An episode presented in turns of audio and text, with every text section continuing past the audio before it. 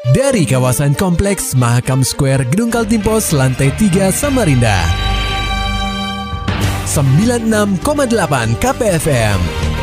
Kita akan ikuti program KP Flash News.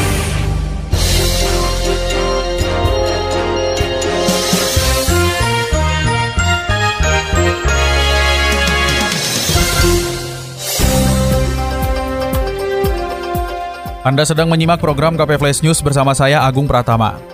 Peringkat KP Dinas Perpustakaan dan Kearsipan Kaltim akan memulai penerapan teknologi terhadap segala layanan perpustakaan di kantornya. Kepala Dinas Perpustakaan dan Kearsipan Kaltim M. Syafranuddin mengatakan, pihaknya telah memulai ancang-ancang untuk menerapkan pelayanan perpustakaan berbasis digital. Beberapa inovasi yang akan diusung seperti keanggotaan perpustakaan yang tidak lagi menggunakan kartu, melainkan barcode dan dapat dibawa ke mana pun menggunakan smartphone.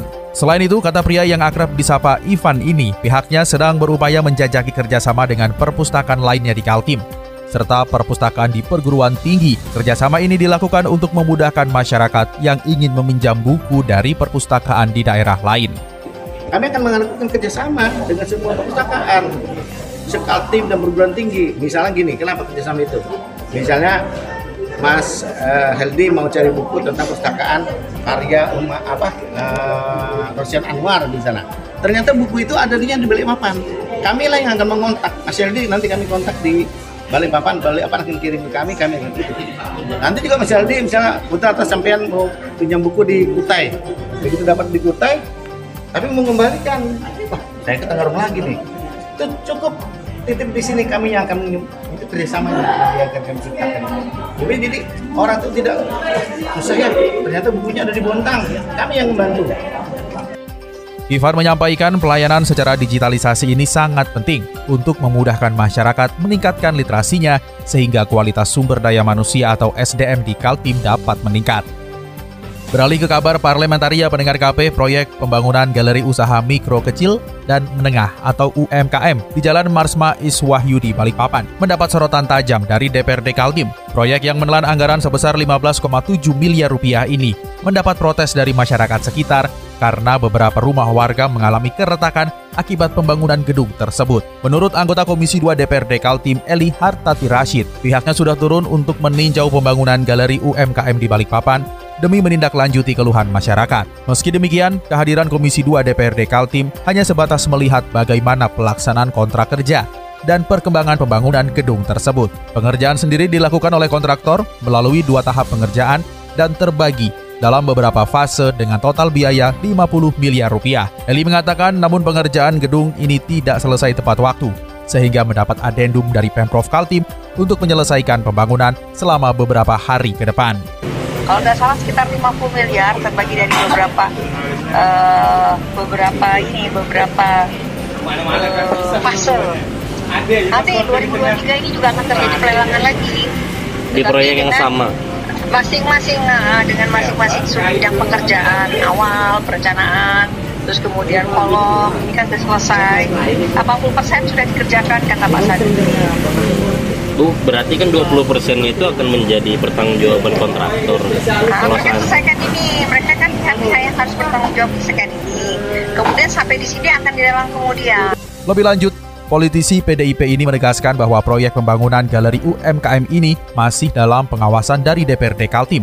Hal ini dilakukan lantaran pihaknya menindaklanjuti laporan masyarakat sekaligus sebagai pelaksana fungsi kontrol dari pembangunan galeri UMKM ini. Masih dari kabar parlementaria pendengar KP, Komisi 2 DPRD Kaltim sarankan Dinas Perpustakaan dan Kearsipan bangun gedung baru. Laporan selengkapnya akan disampaikan reporter KPFM Samarinda, Muhammad Nur Fajar. Ketua Komisi 2 DPRD Kaltim, Nidia Listiono, menyarankan agar Dinas Perpustakaan dan Kearsipan Kaltim untuk membangun gedung baru ketimbang menggunakan hotel atlet yang berlokasi di Kompleks Gelora Kadri Uning, Samarinda. Legislator yang akrab disapa Tio ini menuturkan, sebenarnya dia mendukung usulan pemindahan gedung perpustakaan ke hotel atlet. Pemindahan tersebut dinilai cukup menjanjikan karena di area tersebut didukung dengan fasilitas yang cukup mumpuni. Akan tetapi, Politisi Partai Golkar ini lebih menyukai hotel atlet setelah dialih fungsikan sebagai hotel umum di mana Pemprov Kaltim bisa menjalin kerjasama dengan pihak ketiga untuk pengelolaannya. Sementara itu, Dinas Perpustakaan dan Kearsipan Kaltim bisa mengusulkan pembangunan gedung baru di lokasi lain.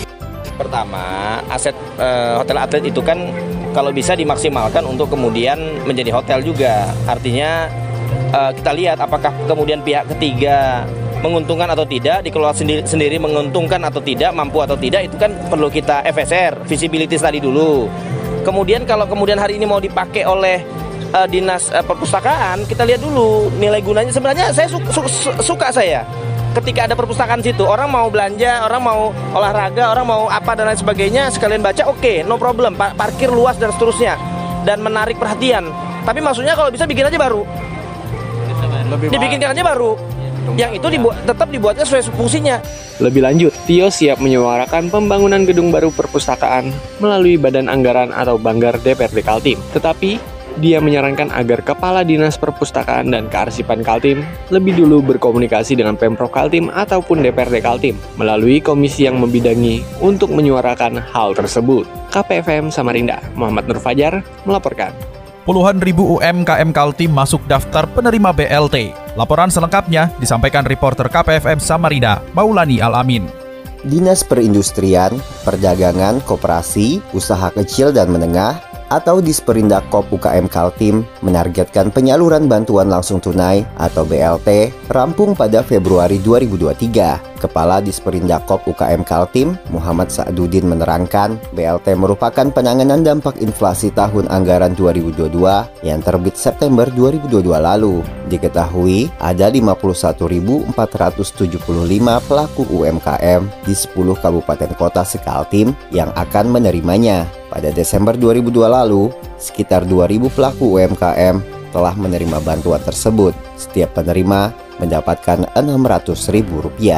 Kalau untuk pembinaan, kami membantu mereka dalam legalitas. Jadi misalnya yang sekarang itu yang dikenalkan NIB, nomor induk berusaha. Itulah kita mendorong supaya dia mendapat. Kita bantu mereka lewat OSS gitu kan. Diinformasikan, selain BLT, Pemerintah juga menyalurkan peralatan untuk UMKM seperti kuliner dan alat rotan dari pemerintah pusat dalam bentuk dana insentif daerah atau DID ke Pemprov Kaltim. Pengadaan dilakukan pada Desember 2022 dan akan disalurkan ke UMKM terpilih di Kaltim pada Februari 2023. KPFM Samarinda, Maulani Al-Amin melaporkan. Maulani Alamin, Muhammad Nur Fajar, KPFM Samarinda serta dapatkan berita-berita selengkapnya di www.968kpfm.co.id. Demikian tadi telah kita simak rangkaian berita-berita yang terangkum dalam program KP Flash News. Persembahan dari 96,8 KPFM. Terima kasih dan sampai jumpa.